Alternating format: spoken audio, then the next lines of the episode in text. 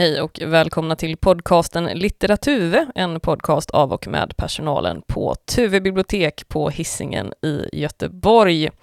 Vanligtvis så brukar vi, alltså jag, Judith Widén, Jörgen Andrén och Filip Jusufovic prata om vad vi har läst, lyssnat på, spelat eller sett sen sist.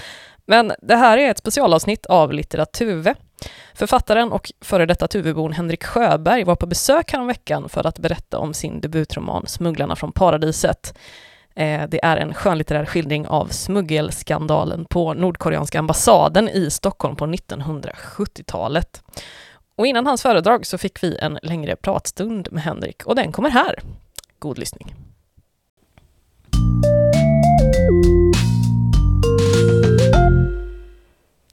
Ja, vi har fått finbesök här i källan på Kulturpunkten i Tuve, eh, poddens historiska första gäst. Hej och välkommen Henrik Sjöberg, författare till boken Smugglarna från paradiset. Hej, hej. Tack så mycket för att jag fick eh, komma hit. Ja, det är jättekul att du är här. Eh, du ska föreläsa här lite senare för en publik, men vi tänkte att vi kör det här och så får många ta del av det här istället också. Trevligt. Ja, du är härifrån Tuve. Jag är från Tuve precis. Ja. Uh, en bit bort här, Håkansdal. Uh, jag är faktiskt född på i, vad heter det, Östra Gunnesgärde. Så flyttade vi till, uh, till ja, det är någon... Filip jublar. Filip jublar. Ja, när jag var fyra år, 76, så flyttade vi till Håkansdal. Och det var väldigt nära, då var vi uppför backen. Men vi kunde, mamma och pappa berättade att vi flyttade med sängarna bäddade, så att det var bara att stoppa in dem i nya huset. Kul! Ja, nej, Filip eh, är ju vårant Tuve-alibi här på riktigt. Jag är uppväxt där. Ja. Östra Gunnersgärde. Jajamän. Vilket får vi, nummer? Det får vi prata om, eh, det tar vi inte här i radion va? Men vi, det ska vi prata om sen. Ja. Mycket roligt. Ja, det, man ser, då kan, nästan såg man huset, eh, det nya huset från Gunnesgärde där. Ja, ja, det är Det är ju verkligen bara andra sidan bilvägen liksom. Ja. Mm. Ja. ja, född och uppvuxen i Tuve. Vad, jag höll på att säga, vad hände sen liksom? Hur, hur, eh, hur hamnade du här? Tillbaka i Tuve? Ja, precis, med boken. med boken. Ja, nej alltså det...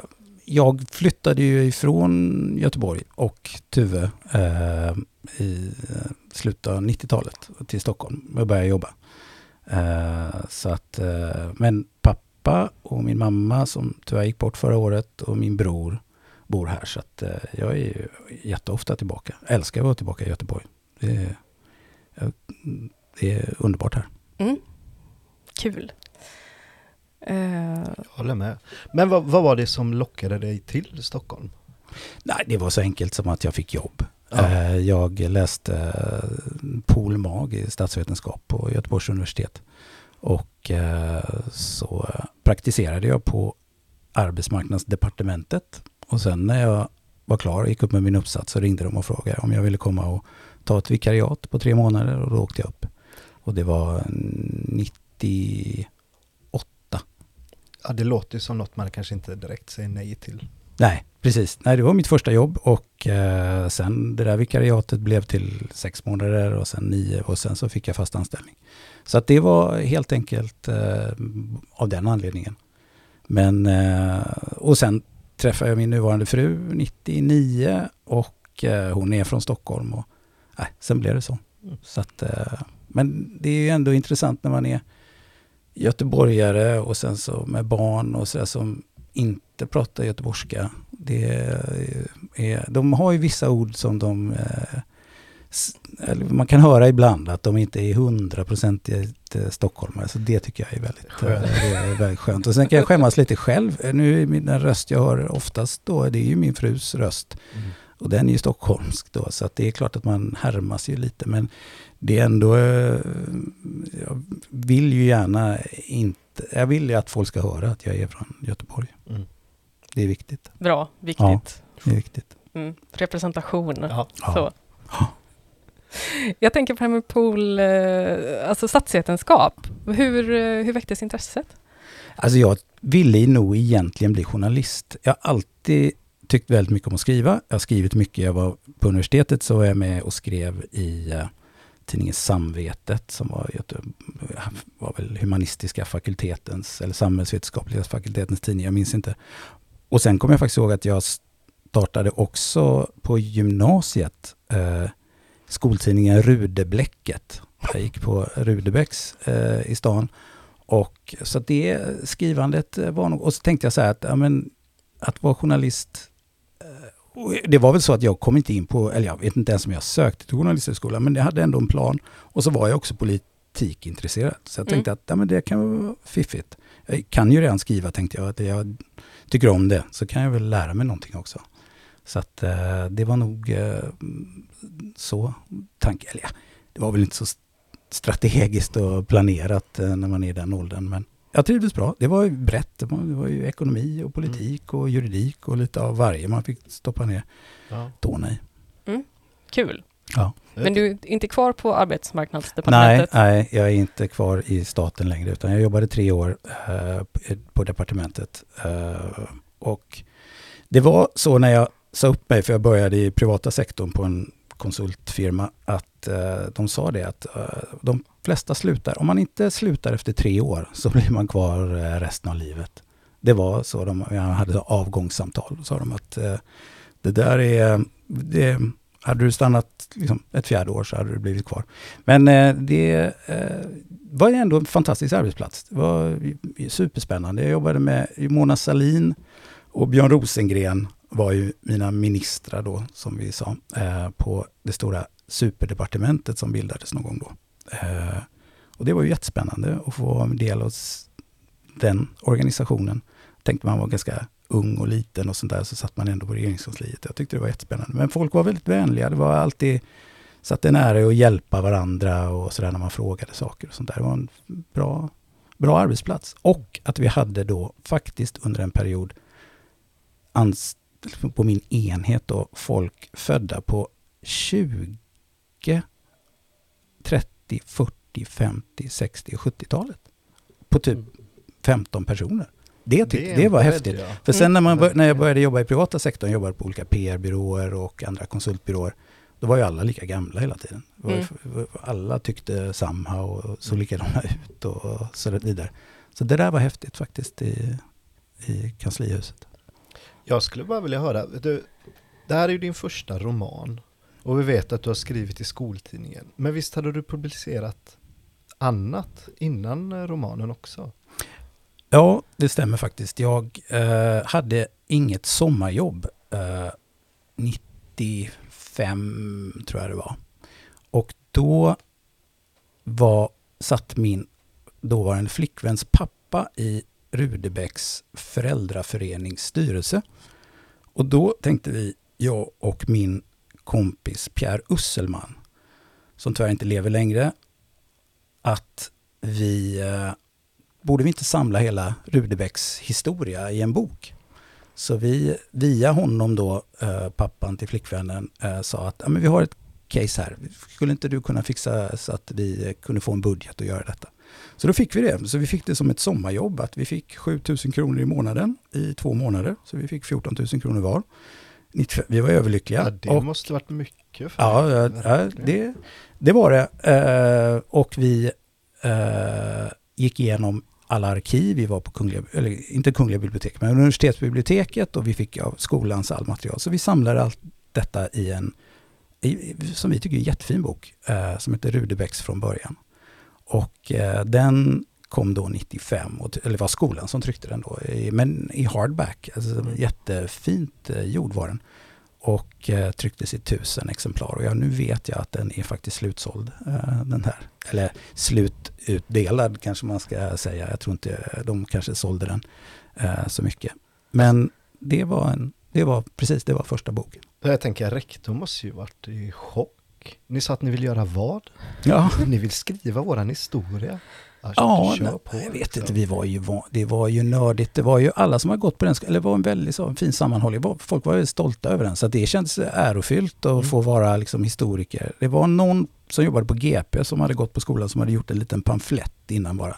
Men det var ändå fint. De ville ha någonting att dela ut och det var trevligt att grotta ner sig i Sigrid, Sigrid Rudebeck, vem hon var och hur hon tänkte då med att det var en flickskola från början. Och sen så blev det ett, eh, en, en skola för både killar och tjejer. Så att, eh, nej, det var en, en spännande Men då vet jag att Pierre, som hade skrivit andra grejer innan, han var ju journalist på riktigt, eh, Pierre, och läromästare så för mig, även om vi var lika gamla och, och kompisar, att han la upp en Wikipedia kom då. Och sen så la han upp då att han hade skrivit den här boken och, och, och så la han med, tillsammans med Henrik Sjöberg som då var författare. Och då låg det en Wikipedia-sida där att på mig, Henrik Sjöberg författare. Men då var det någon som gick in och bara, nej, man ska ha skrivit två böcker om man ska vara författare, mm. så, så den försvann. Så att eh, det, jag var jätteglad där ett tag i slutet av 90-talet att eh, titta mamma, jag står som författare. Nu ska den upp igen. Nu ska den upp igen, ja precis. Och, eh, nej, du har rätt i det. Och sen har jag faktiskt, eh, på eh, ett annat jobb jag hade så skrev jag en bok som heter Trust and Transparency Doing Business in a Multipolar World. Men det var en business som vi ville dela ut till våra kunder. Men där skrev jag ju också. Så att, eh, ja, nej men skriva har jag alltid tyckt varit väldigt roligt. Ja, jag tänker på din eh, nu skönlitterära debut här, Smugglarna från paradiset, alltså en, en skönlitterär skildring om hur det gick till då när Nordkorea öppnade sin ambassad i Stockholm på 1970-talet. Eh, hur kom du på idén till boken? Ja, det är tack vare ett eh, P3 dokumentäravsnitt eh, eh, som hette Smuggelskandalen vid Nordkoreanska ambassaden, tror jag den hette, som kom 2010. Och eh, i samband med att den kom då, det, samma år så bodde vi i Kina. Eh, jag jobbade då på en PR-byrå och eh, fick i uppdrag då att öppna den här PR-byråns Shanghai-kontor. Så vi flyttade till Kina 2008. Och när man bodde i Kina då så var det enklare att åka till Nordkorea. Så två saker hände. Att jag hade en dröm om att få åka till Nordkorea för att, eh, ja, fascinerande land. Eh, och och eh, gjorde detta. Men samtidigt då när jag gjorde researchen och sådär för att åka till Nordkorea var verkligen att vi skulle dit. För att det var enklare då för man kunde åka då eh, flyga till Dandong i Kina och sen ta tåget in i Nordkorea. Men då kom den här eh, dokumentären också som handlar om den här absurda historien. Och den, ja, det, ja, till denna dag kan jag inte fatta att inte någon annan har liksom nappat på den här helt superknäppa grejen som faktiskt hände. Och den hände inte bara här, den hände i Oslo, den hände i Köpenhamn, den hände i, i Kuala Lumpur. Det var flera ställen som hade liknande eh, berättelser om smugglande och fifflande nordkoreanska diplomater. Så att, ja, eh, kort svar så var det den där radioprogrammet då, eller den här podden som fick upp, som gjorde att jag fick reda på att överhuvudtaget det här hade inträffat. Ja. Du har varit i Nordkorea. Eh, kan du berätta mer om det? Ja, gärna. Det, det, var, det var ju som sagt en dröm och eh, mest för att det var det där slutna landet, att det var så konstigt allting. Allting som man fick se på nyheterna och läste om att det var ju Absurdistan, uh, det där landet. Så att uh, sättet man åker till Nordkorea, det är ju att du kan inte åka dit bara liksom, köpa en flygbiljett och åka dit eller en tågbiljett.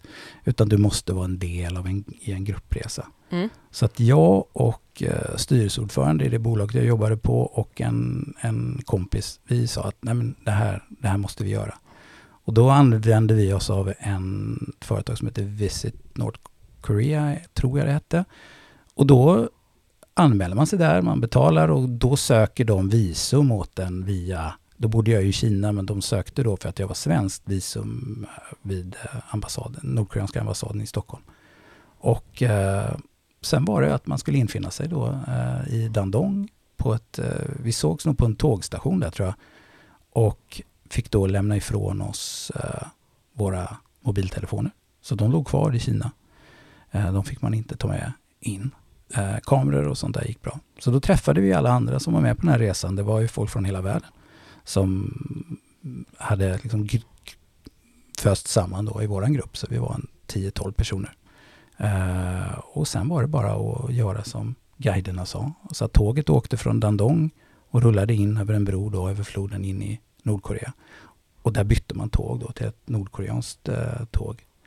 Och då minns jag att då fick man först då sitta och vänta i, på i någon stationshus där och då fick jag se för första gången de här tavlorna på den käre ledaren, den store ledaren som sitter i varenda liksom, offentlig lokal och i alla hem och allting sånt där. Mm. Så det var, det var speciellt att lämna ifrån sig sin telefon och liksom fru och två barn i Shanghai och säga att ja, nu hörs vi förhoppningsvis om fem, sex dagar. Men jag har inte möjlighet att, uh, att uh, ringa och berätta hur jag har det eller smsa eller så. Ja. Så det var liksom inledningen på den här gruppresan då. Var det, vad fick ni se? Ja, då är det ju så att man är ju helt i händerna på guiderna. Och det var alltid två guider. Fick aldrig liksom vara tillsammans med en. Eh, de rörde sig i par de här eh, två hela tiden. Ungefär som mina huvudkaraktärer alltid gjorde. För att ingen skulle liksom börja in, prata med någon på något konstigt sätt eller någonting. Så att de hela tiden övervakade varandra. Och då är det ju så en best of-resa som man får göra hela tiden. Det är inte så att man får se vad man vill eller att man får överhuvudtaget röra sig på egen hand. Utan man åker till mausoleet där eh, Kim Il-Sung ligger eh, balsamerad. Man åker till eh, eh triumfbågen eh, mitt i Pyongyang som givetvis är vad är det, 20 centimeter högre än den i Paris. Eh, och eh, man är runt på olika typer av eh, saker som man vill visa upp. Och sen så eh, hade vi tur då att vara där i den tillfället då där man har de här Mass Games på en stor stadion i, i Pyongyang där hundratusental, jag, alltså jag tror det är hundratusen barn sitter och på en gradäng på, upp med olika lappar med olika färger, vilket gör att de, när de skiftar de här så kan de göra stora mönster som är helt enorma. Helt, det, det, det är så, man tror nästan inte det är sant. Och sen på scenen framför eller på marken framför så dansar eh, alltså tiotusentals eh, synkroniserat. Jag hade faktiskt en fråga just om det här, ja. alltså de här eh, när de har de här stora framträdandena och så här. Det är ju som på fotboll.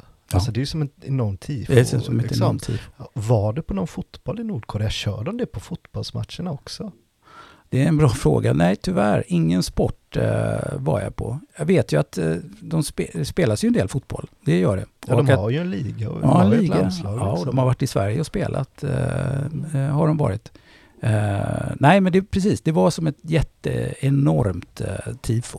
Eh, och extremt imponerande. Och i dokumentärer jag sett, det finns, det finns en hel del intressanta. Då, då följde man ett familj vars barn då hade blivit utsett för att vara med i det här. Och det sågs liksom som en stor ära.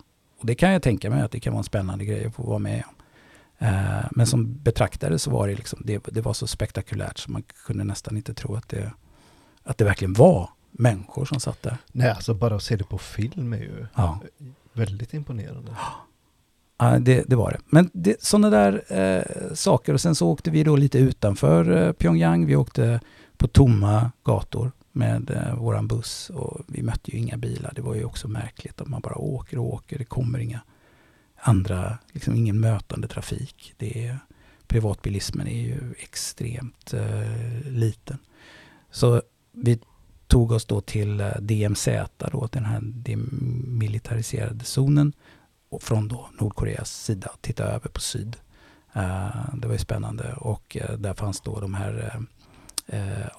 Det fanns faktiskt en bild på Olof Palme som hängde där i, en, i ett, ett rum med olika typer av historiska liksom, berättelser om just om kriget och, och så vidare. Så att det, det var spännande. Och, men det knäppaste, tycker jag, så här i efterhand, det var ju när vi åkte till uh, The International Friendship Museum.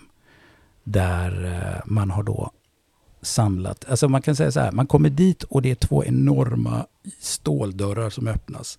Så kommer man in i en sal och till vänster i den här salen så har man en enorm världskarta.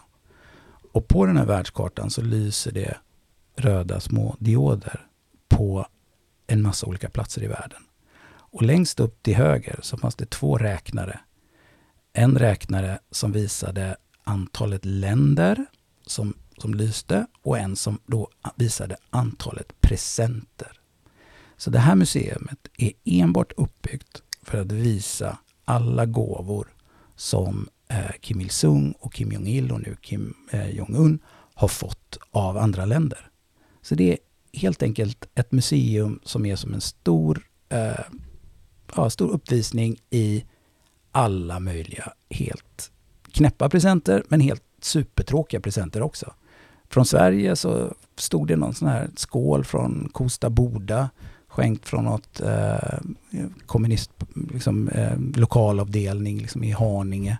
eh, och någonting från Lars Werner eh, med någon hälsning och sånt där. Men sen så finns det ju enorma saker. Stalin har skänkt ett tåg. Alltså det står en stor tågvagn. Eh, det finns de här, eh, den här kända björnen, den skelögda björnen, eh, som var, jag tror det var Ceausescu som skänkte den där. Den ser inte, det ser inte klokt ut. Och den knäppaste av allt, liksom, som, som jag tror de flesta tycker är det, det vansinnigaste, det var från sandinisterna i Nicaragua. En uppstoppad krokodil. Liten, alltså inte mer än en meter hög. Där man har tagit liksom tassarna eller händerna på krokodilen, håller händerna framåt och på de händerna har man ställt en bricka. Eh, och sen så står det liksom sex, åtta eh, glas i, i trä så att det är liksom som en serveringsbricka, som en uppstoppad krokodil som står. Så att, eh, ja, det...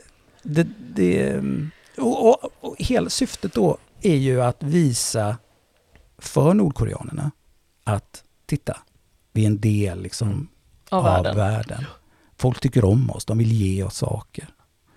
Så att, eh, men för en liksom, utomstående, liksom, vi har inte den traditionen. Liksom, bara, titta här vad mycket fina saker vi har fått i Sverige av andra länder. Vi känner oss redan en del av världen. Men där är det ju inte så. Så det där är ju en pilgrimsplats för många nordkoreaner. Att faktiskt komma dit. Och att de flesta har nog varit där, eh, ja, de som har möjlighet, men någon gång i livet för att uh, uppleva detta. Shit. Men jag är helt för att vi ska ha ett sånt i Sverige med. Ja. Och det kommer ju också liksom pusha vad folk vill ge oss. Folk kommer ju vilja ha det flippigaste liksom i det svenska ja, nej, presentmuseet. Det, exakt, man vill inte vara den som har gett den tråkiga glasskålen. Nej, precis. Vi börjar med det här och så får Nordkorea skänka den första Skvader. Ja, liksom. ja. En skvader med partyhatt. Ah, mm. Nej, jag fastnar på den här krokodilen. Det är toppen. Jag tänker bara en lånedisk har ju blivit lite av en gåvoplats Sant. senare år. Vi får lite märkliga saker för det mesta, fina bokmärken som de bara lämnar. Men det roligaste vi fått nyligen, det var ju den här voodoo-dockan. Mm som bara låg där häromfredagen på morgonen när jag kom in och skulle göra morgonrutinerna. Mm. Tänkte, nu är det någon som har förbannat oss. Med en nål i magen. Ja. Den kan du få titta på sen, på. den är, sitter uppe på kontoret. Det var skumt. Men är den lik någon av er? Det skulle vara jag inte. i sådana fall. jag försöker vara lite artig. ja. Um, jag tänker, du, du lyssnar på det här poddavsnittet. Boken släpptes nu förra året, 2022. Hur mm. har liksom processen från den här idén till färdig bok varit? Ja, du tänker att det gått lite tid eh, sedan 2010? Ja, men liksom så här, hur mycket har du ja. mediterat över detta? Ja. Eller hur har det gått till när du har? Nej, men alltså jag kunde, jag kunde faktiskt inte släppa den här idén. Jag har gått och tänkt på den hela tiden. Jag tänkte så här, vad kan man göra av det här? Ska man göra ett manus, ett film? Det är ju så filmiskt, eh, tänkte jag. Eh, men jag kan ju, jag kunde liksom, det kändes inte som någonting som jag riktigt eh, skulle kunna göra rättvisa. Men sen så och, och, så jobbade jag ju. Och, och, och, två barn då och nu tre barn och det var full fart på alla fronter. Men sen hände någonting då 2015 och det var att min fru då som jobbar på, på UD eh, fick eh, ett jobb på, på det, det, är ju så på UD, man, man roterar runt i världen. Men då var det dags för henne att åka till Brasilien. Och då hade jag jobbat eh, fram, ja, heltid sen efter universitetet och så tänkte jag att ja, men det här är ju, det är ju faktiskt världens läge. För jag hade liksom slitit hårt och jag kände bara att nej, jag skulle nog inte vilja eh, jobba i Brasilien. Utan då, då uppkom den här möjligheten att faktiskt Eh, realisera den här planen. Så då började jag faktiskt lite smått att eh, ja, helt ostrukturerat. Jag hade några möten, jag min, min svågers bror som är förläggare på Norstedts. Jag frågade honom lite grann, hur gör man det här? Jag hade några andra kompisar som har skrivit böcker och så frågade jag, hur gjorde du? Och jag snackade med en då, Jonas Malmborg, som har skrivit en bok som heter Fältöversten, som jag hade läst. Det var, jag kände inte så många författare på den tiden. Så då frågade jag honom hur han gjorde och han sa att man, kan, man behöver inte vara superstrukturerad. Man kan faktiskt bara skriva lite för, börja lite och se var, var man hamnar. Och det, det tog jag verkligen eh, till mig för att det, det, var så jag gjorde. Mm. Jag började lite grann, jag visste inte var det skulle börja. Det fanns ingen stor plan. Jag ville skriva någonting om just smuggelskandalen. Uh, jag ville skriva om de här nordkoreanerna. Hur sjutton gick det till när några snälla nordkoreaner från ett slutet land kommer till ett helt nytt land, ett kapitalistiskt land. Och sen så helt plötsligt står de utan pengar och hur ska de hitta sätt att tjäna pengar? Så det var, var liksom den övergripande idén. Och sen så skrev jag lite här, jag skrev lite där. Och först tänkte jag så här, ska jag skriva det dokumentärt? Eh, eller ska jag skriva det spännande? Eller sådär. Så det visste jag inte heller. Men sen blev det lite så, för att historien är så absurd. Den är så konstig på ett sätt. Så då kändes det för mig naturligt att skriva liksom, lite humoristiskt eh, underhållande. Det, det, det, det föll sig ganska naturligt. Jag tror inte alla kanske hade angripit den här historien på samma sätt, men det, så det kändes det roligast för mig faktiskt att göra det. För jag mm. liksom gillar ju roliga grejer, så att jag kände att ja, men det här, jag känner mig hemma i, i, i, det, i det sättet. Så så började det. Lite för lite och, och uh, det var ju först efter kanske tre, tre år som jag kände att nej, men nu tror jag att det börjar, liksom, nu ser jag någon struktur här. Innan var det nog mest att man skrev någon scen där och någon scen där. Okej. Okay. Mm. Mm. Hur mycket och vilken research har du gjort liksom, i det här arbetet? Ja, en helt, alltså min Nordkorea-hylla är nästan kusligt eh, eh, stor. Eh, så att ja, jag har gjort väldigt mycket research. Och det, jag gjorde för mycket research faktiskt. Så det blev faktiskt så att det blev att jag var tvungen att på något sätt visa för läsaren, eller när mina första utkast, så här mycket kan jag. Mm. Så här mycket har jag lärt mig. Mm. Oj, vad jag kan mycket om Nordkorea. Och det, ja, min fru som har varit min liksom, lektör eller läsare i alla versioner och så vidare. Hon sa att Nej, men nu, nu, nu känner man sig skriven på näsan.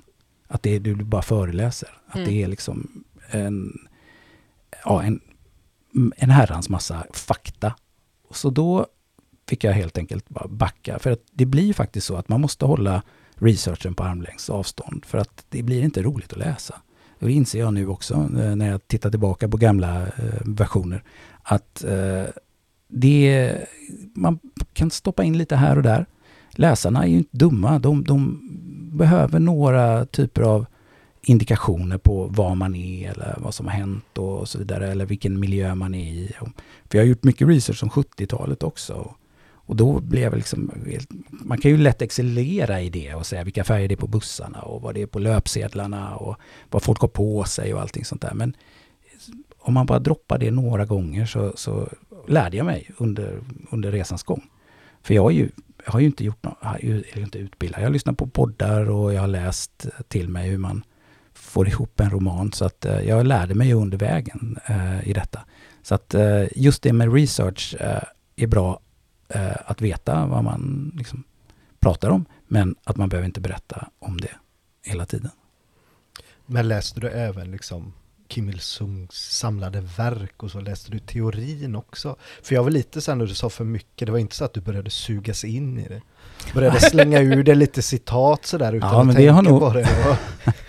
ja, det har nog hänt eh, faktiskt. Men, men ja, Kim Il-Sungs, alltså de, det är ju, det går inte riktigt att läsa det faktiskt. Det är, är jag har läst det, jag har några av de här böckerna, jag har några av de här eh, vänstermänniskorna som verkligen var förblindade av Nordkorea också. Men det blir, det blir ju sagoberättande. Det finns ju liksom, det finns en likhet mellan att läsa Bibeln lite. Det är lite att man hänvisar till hur gjorde Kim Il-Sung i den här eh, situationen. Man tänker liksom som religiösa människor tänker, hur gjorde Jesus eller hur, så. Jo men det, det, är väl verkligen också lite den mytbilden liksom. Ja. När han föddes så, du vet, kom det typ en ny blomma ja. eller du vet, på den nivån. Så, ja. här. så att det är ju en väldigt klara så religions... Det, absolut. Känslor, ja, men jag tycker det faktiskt. Jag skriver det lite om i boken för att jag, jag låter min eh, huvudperson då få pratade med eh, tobaksaffärsföreståndarinnan Ulla om religion. Hon är då religiös, hon läser Bibeln och så vidare. Men när de försöker liksom diskutera den här frågan att de är nog ganska lika på det sättet att det är, man återvänder kanske till Kim Il-Sungs eh, skrifter och funderar på om man är i en jobbig situation eller tänker på det på samma sätt. Så det, där, där finns faktiskt en, en likhet. Men mm. som sagt, det, de bästa böckerna finns en som heter Andrei Lankov, en ryss, som har eh, studerat länge i Nordkorea. Hans böcker är ju fantastiskt bra. Uh, men sen finns det ju mycket, det finns ju rätt mycket dåliga böcker om Nordkorea också. Eh, vad skriver han om? Han skriver mer om, liksom, det är han har en bok som heter The Real North Korea som känns väldigt autentisk, tycker jag. som är väldigt lärorik. sen finns det en som heter The Aquariums of Pyongyang som var väldigt bra. Och, men sen har det dykt upp massa böcker om avhoppare. Det finns mm. väldigt många sådana som har skrivits eh, av folk som har lyckats fly från Nordkorea. Eh, och de brukar likna varandra ganska mycket, eh, de böckerna. Men eh, som sagt, det finns en del. Och så finns det en del poddar som är intressanta och så vidare. det, det finns egentligen väldigt mycket mm. Eh, fakta. Men det, en av anledningarna, kommer jag på nu, att som jag inte gjorde att jag ville göra det dokumentärt, är att just all information om vad som verkligen hände i Stockholm eh, finns inte tillgänglig. Jag tror inte den liksom, offentligheten har släppts eller sekretessen har släppts på den där. Så där går det inte riktigt att få veta allting. Jag vet inte riktigt, jag har inte gett, försökte någon gång men lyckades inte. Så då tänkte jag att ja, men då, ja, då får jag hitta på istället. Ja, jag tänker, skriver man en skröna så gynnas man väl mest av det? Ja, Nej, precis. Ja, för jag, för jag tänkte på det, just att boken är inspirerad av verkliga händelser. Hur, hur resonerar du kring vad du liksom behåller av verkligheten och vad, liksom, vad gör man som fiktion? Så, är det just att det i att det finns så, vissa grejer finns inte, så då får man lika gärna hitta på det? Ja, alltså, jag tänker så här att min eh, tanke var att eh, först hålla mig så nära verkligheten som möjligt.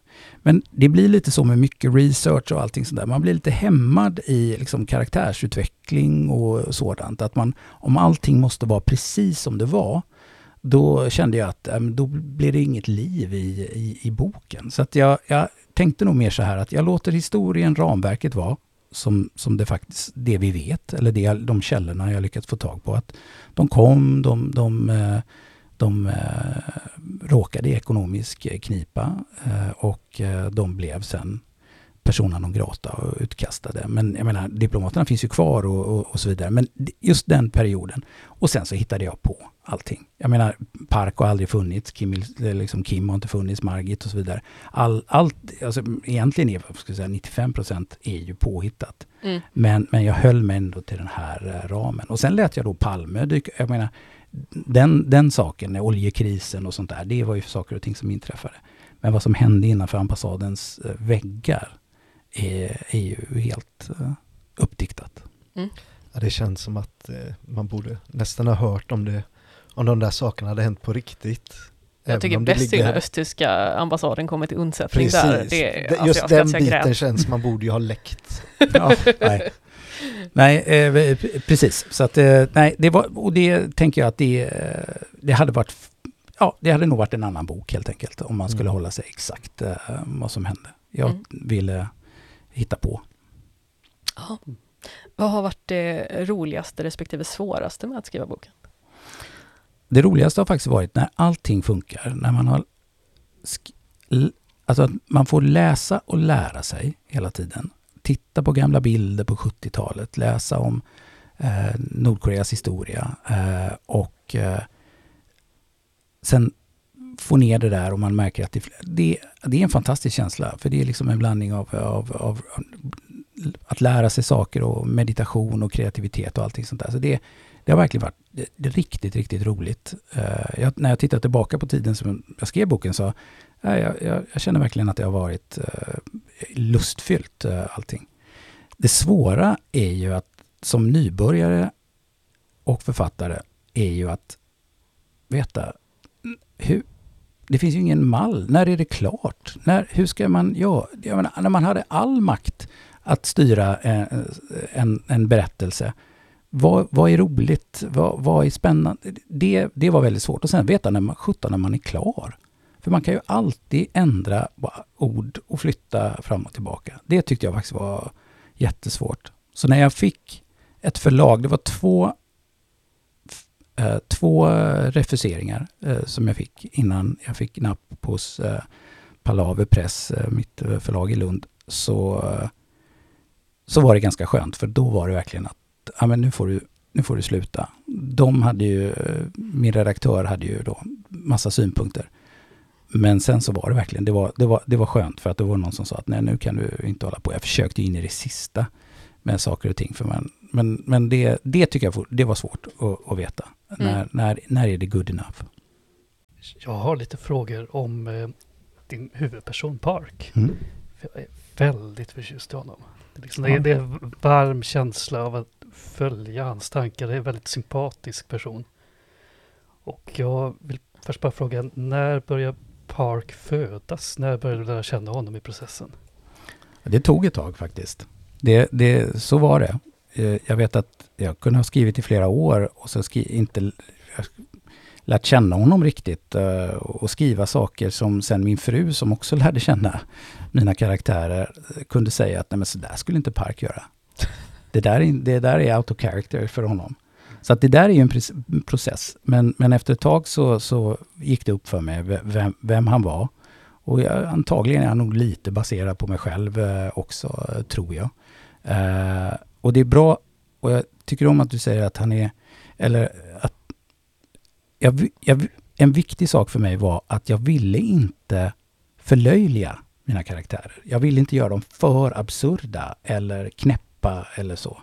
Utan det är ju faktiskt så att de här diplomaterna som utskickade, de, de är ju tvungna att uppfylla sin, sina liksom, plikter och, och, göra vad de ska.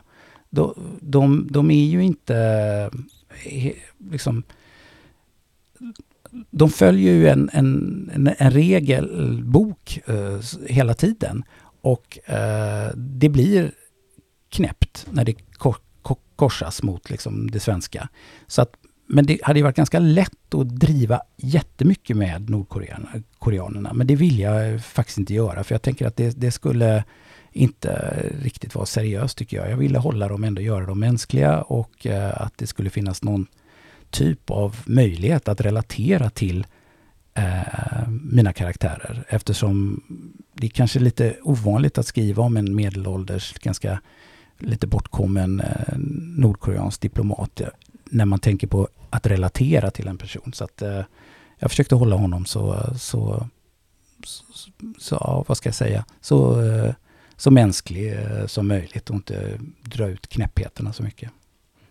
Mm många nyckelscener för mig var ju just där som lyfter fram med eh, Ulla som har en liten kiosk. Att där är det som att Park får vara som allra, allra mest sig själv och möta just det här med när han ser att hon läser Bibeln och kanske någonstans börjar se och förstå sin egen situation i Ullas världsbild. Det, det är väldigt mycket där som jag tänker på emellanåt efter jag läst boken. Ja, vad fint. och roligt att höra. För jag tänker att i den här stressen som det måste innebära att eh, få in pengar och inte veta om man ska bli utkastad eller någonting sånt där. Jag ville göra de här stunderna hos Ulla i tobaksaffären lite till en, till en fristad för, för Park och att Ulla blev lite av en moders gestalt då för, för honom att uh, kunna ja, vara sig själv uh, för en stund. Och, uh, men också en lärdom för Park att inse att det finns, jag menar, det är mycket av propagandan i Nordkorea är ju att demonisera västvärlden och kapitalismen och att det är, liksom, det är ondska. Men att då lära känna någon eh, som, som är på andra sidan och förstå att de faktiskt är, de är vanliga människor som, som gör sitt jobb och de, de, de är inte de här nidbilderna av kapitalister och, eller eh, degenererade västmänniskor som, som mycket av propagandan eh, eh, berättar för, för nordkoreanerna. Så att Ulla, eh, det var faktiskt så att jag tänkte ta bort Ulla ett tag. Uh, därför att jag hade också Margit uh, som då jobbar som sekreterare åt Parko. Jag tänkte att om det är två kvinnor i ungefär samma ålder. Så då var jag inne på att jag skulle ta bort Ulla. Men då protesterade min fru uh, väldigt starkt och några andra läsare som hade läst som jag berättade för att jag funderade på det. Så att Ulla, fick, Ulla fick stanna kvar. Alltså, ja, jag vill ju höra lite mer, alltså vad är det egentligen som gäller legalt när man är diplomat? Ibland hör man ju det så här, ja, de har diplomatisk immunitet, som att det låter som att du kan göra precis vad fan du vill, men så kan det ju inte fungera. Nej, det jag och mina barn som då inte jobbar på UD eller är diplomater. Vi hade ju också diplomatisk immunitet när vi bodde i Brasilien och när vi bodde i Washington, som vi, dit vi flyttade efter Brasilien. Och Det handlar ju om att du kan inte bli... Eh, du är fortfarande svensk. Vad jag än gör så är jag svensk och jag ska ingå liksom, så att säga, i det svenska rättsväsendet. Så att eh, du kan ju inte givetvis bete dig. Du kan ju bli tagen eh, och, och, så vidare. Men du får inte bli liksom dömd eller du får säkert inte egentligen bli häktad eller så heller. Jag blev biten av en hund när jag var ute och sprang i Washington. Och eh, då är det så att och det var en galning som hade hunden och det blev ett eh, halabaloo med det hela. Men då var det så att då pratade inte jag med polisen, den vanliga polisen, utan då, då fick jag ringa och prata med Secret Service. Eh, och eh, hur, hur ska jag gå vidare med det här? Men som att du ringde upp Secret Service eller polisen kom till platsen och du bara nej, nej, nej. Nej, nej det var inte så. Jag har det här numret. Nej, men jag, jag ville liksom den här, det var en galning egentligen, så jag ville inte att han skulle springa omkring med hunden där ute mm. längre. Så tänkte jag, jag måste prata med någon. Men, men som sagt, vi har inte kontakt med vanliga polisen eh, då. Och eh, det var även så att min fru eh, stannade inte vid en stoppskylt en gång och sen så var det en polis bakom och det började liksom, de drog igång saftblandarna och stannade henne mm. och då så visade hon sitt eh, diplomatkort och då, då sa polisen, nej men då kan inte vi göra någonting. Och så fick hon sitta och vänta tills Secret Service kom. Eh, då. Så att det, man, man är ju eh, liksom immun i det sättet att man är inte en del av det mm. rättssystemet som i det landet som man är i. Och sen är det ju så att det är ju för parkeringsböter och någonting sådär så tror jag att då, då folk, diplomater kan egentligen parkera och sådär överallt. Jag såg en lista på det där, vilka länder eh, hade dragit på sig flest. Eh, det fanns en undersökning i New York på, e, vid FN, vilka länder det var som, som hade verkligen satt det där i system. Uh, så att jo, men jag menar det är inte... Det är, är det inte det de skojar om i den här fantastiska komediserien Dips som har gått på SVT? Har du sett den? Ja. ja. ja. Just det här att de har en lista med pinnar. Britterna har mest pinnar. Ja, men, det, just det. det ja, men precis. Ja. ja. det är det liksom det här att hon svarar i telefon och säger hej polisen, ja, vem är det som har gjort något nu då? Ja. Typ. Nej, men precis, så är det faktiskt. Men, men eh, det, eh, det, diplomatisk immunitet finns ju. Eller jag menar, det, det, det är en grej. Men som sagt, om det är någon som drar på sig en herrans massa parkeringsböter eller gör någonting, det är klart att svenska UD kommer ju inte liksom bara strunta i det, utan då får du väl en näsknäpp av din chef ändå. Så att, eh, du ändå, du ja, måste ja. stå till svars inför någon. Exakt, exakt. Vad eh, gillar du att läsa själv? Eh, ja du, jag tycker om att läsa det mesta. Jag har väl ingen... Eh, jag är inte en sån som kan jättemycket om olika författare och eh, sådär. Jag minns, eller jag, min för största läsupplevelse var när jag låg i lumpen och läste Paul Auster eh, New York-trilogin. Så att eh, Paul Auster har jag följt eh, mycket. Eh, och eh, ja, jag försöker läsa. Min fru är ju med liksom i tre bokcirklar och läser hela tiden. Så jag brukar ta tips eh, från henne eh, faktiskt. Och, eh, men, men när jag höll på att skriva, då då läste jag inte så mycket faktiskt. Jag vet inte varför. Jag läste, jag hade ju mina liksom research och sådär, så att eh, jag, då, då hade jag nog läsandet eh, på paus lite grann. Mm. Men jag får bara säga en sak. Jag talar om bokcirklar. Jag, eh, det är några som har startat någonting som heter minbokcirkel.com. Där, där jag kom med nu för att just få igång bokcirkelläsaren, eller för de som behöver tips för att hitta bokcirklar. Uh, för jag tänker, ni har en bokcirkel här eller? Ja, jag har en bokcirkel. Det är du som har en bokcirkel, uh, ja. Där vi ju har ju, senaste boken vi läste och pratade om var ju din bok. Ja. Uh, den var faktiskt den som har varit, om man liksom lägger ihop alla deltagarna i gruppen så är det ju den som har varit mest uppskattad faktiskt. Unisont. Ja, unisont. Det är ändå det är imponerande. Omslaget, nej, det gillar de inte så mycket. Nej, nej. Men, men i övrigt så fick den ju två tummar upp liksom. Okay. Det var väldigt roligt. Ja, det var jätteroligt. Och som jag sa till dig i förbifarten förut, det var ju två deltagare som hade barn som hade gått i parallellklasser ja, ja, till dig. Jag undrar vilka det kan vara. Ja, du får se om de dyker upp. Jag får se om de dyker upp ikväll. På föredraget, så. Fast, fast personligen älskar jag bokomslaget. Eh, och det, jag vill bara berätta att det var en annan medföljare, en sån som jag, som var gift med en diplomat som heter Patrik Gebhardt, som var formgivare. Och eh, han läste hela råmanuset och gjorde ett moodboard. Och han var så proffsig.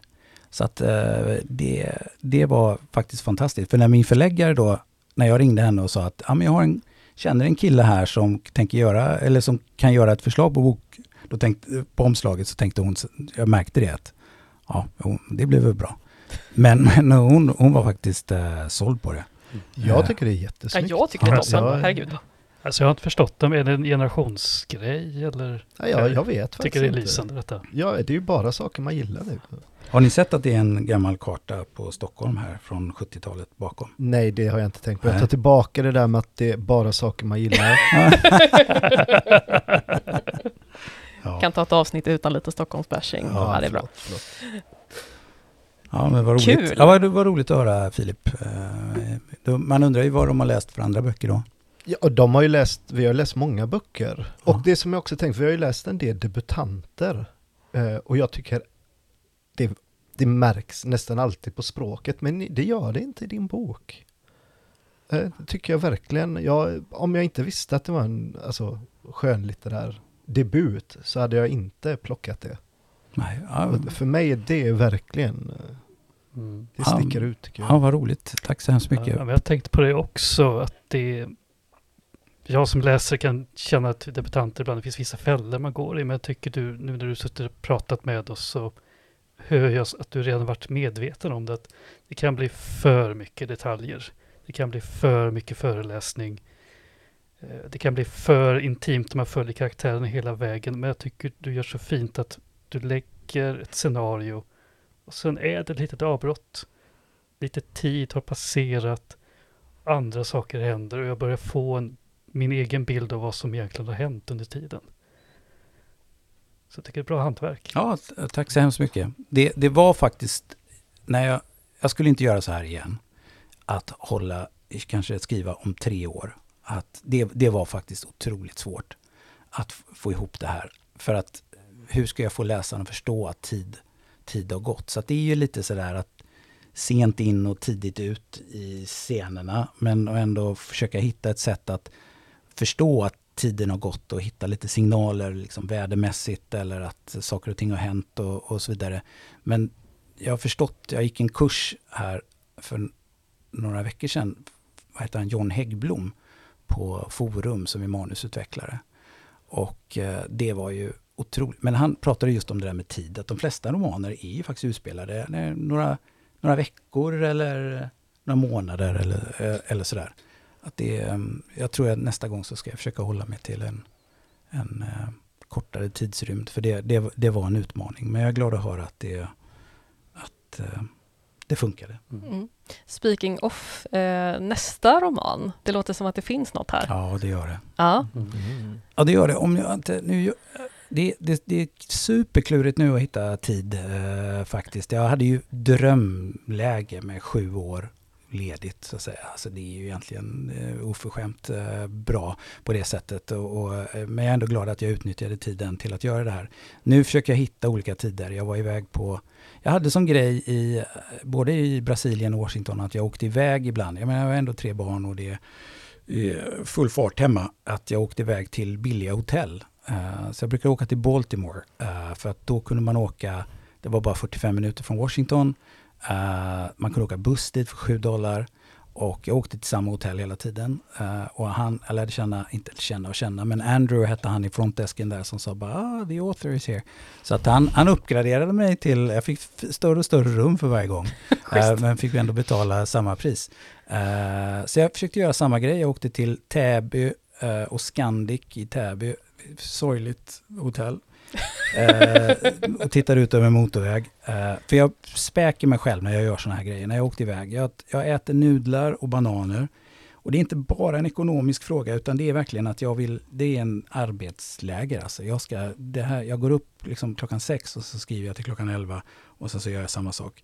Eh, så jag försökte göra samma sak igen nu, men då får jag göra ett synopsis till nästa roman. Och det var väldigt svårt.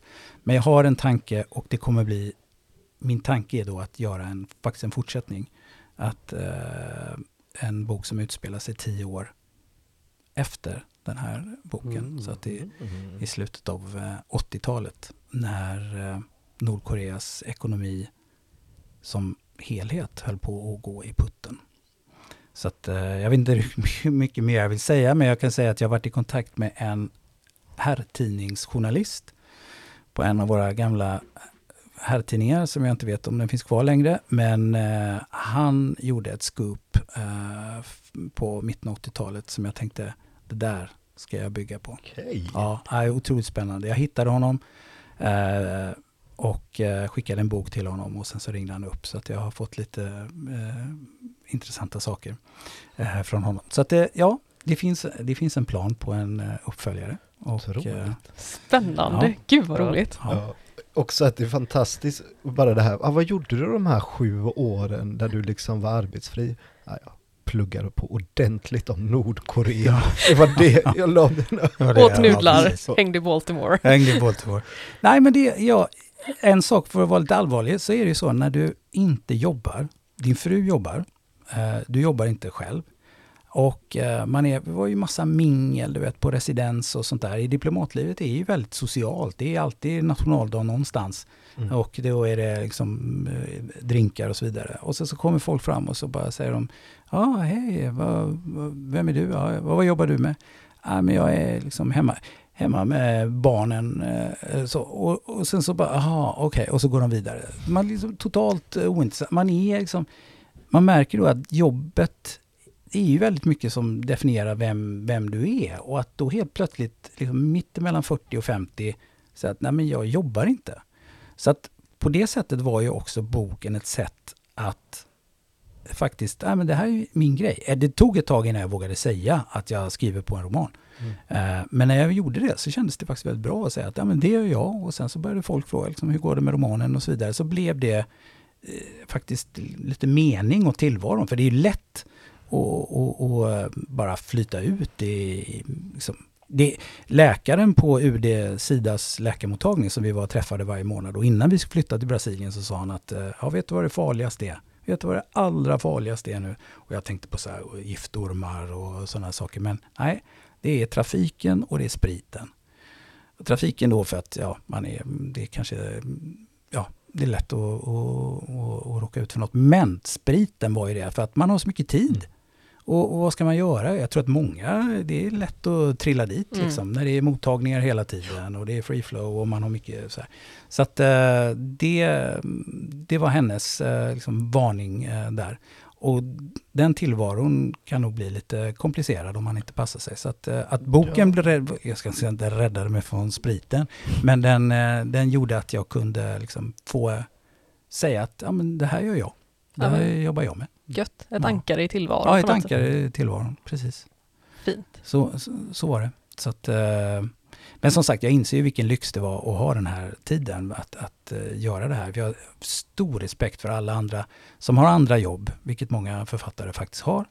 Och eh, hitta tid och hitta de här möjligheterna att eh, knö in liksom, om man har en kvart över. Och det lärde jag mig också, att sitta i bilen sen när man väntade utanför någon träning eller hämta barnen. Så att jag rullade bak sätet och så hade jag liksom laptopen eh, i knät framför ratten och eh, skriva. Så, att, eh, så där får man göra faktiskt ibland.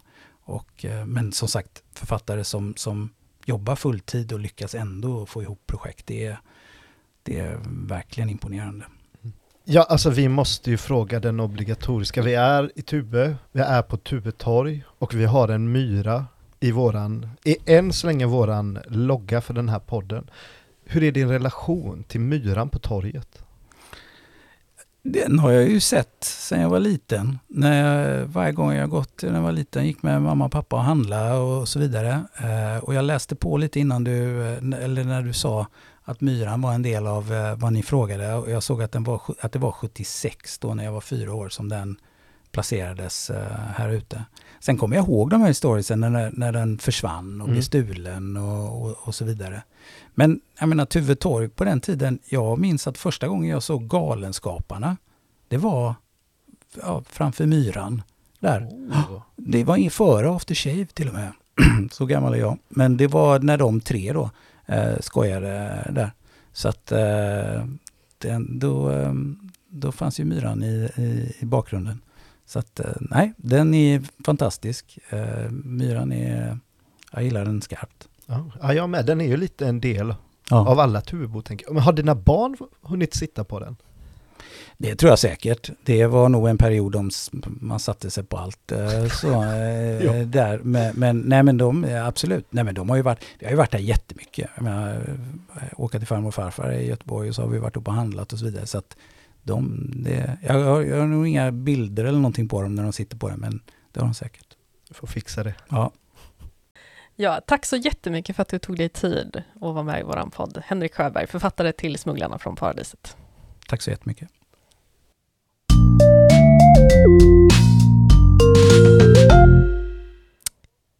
Det var det hela och än en gång tack till Henrik Sjöberg för att du ville vara med i podden.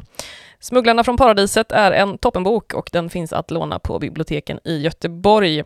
Här i Tuve så finns det ganska många exemplar att hämta om man har vägarna förbi. Annars så kan man bara reservera den till sitt hembibliotek. Tack till Fritid Norra Hissingen här i Tuve för lån av utrustning och studio. Och tack till artisten The Boff JR för gingen som heter Utsikt från Lunden och den ska vi lyssna på en gång till. Egentligen vill artisten kalla sig för Meatloaf, fast inte den Meatloaf som är beredd att göra vad som helst för kärlek, men The Boff JR får duga. Vi hörs igen ganska snart. Ha det gött!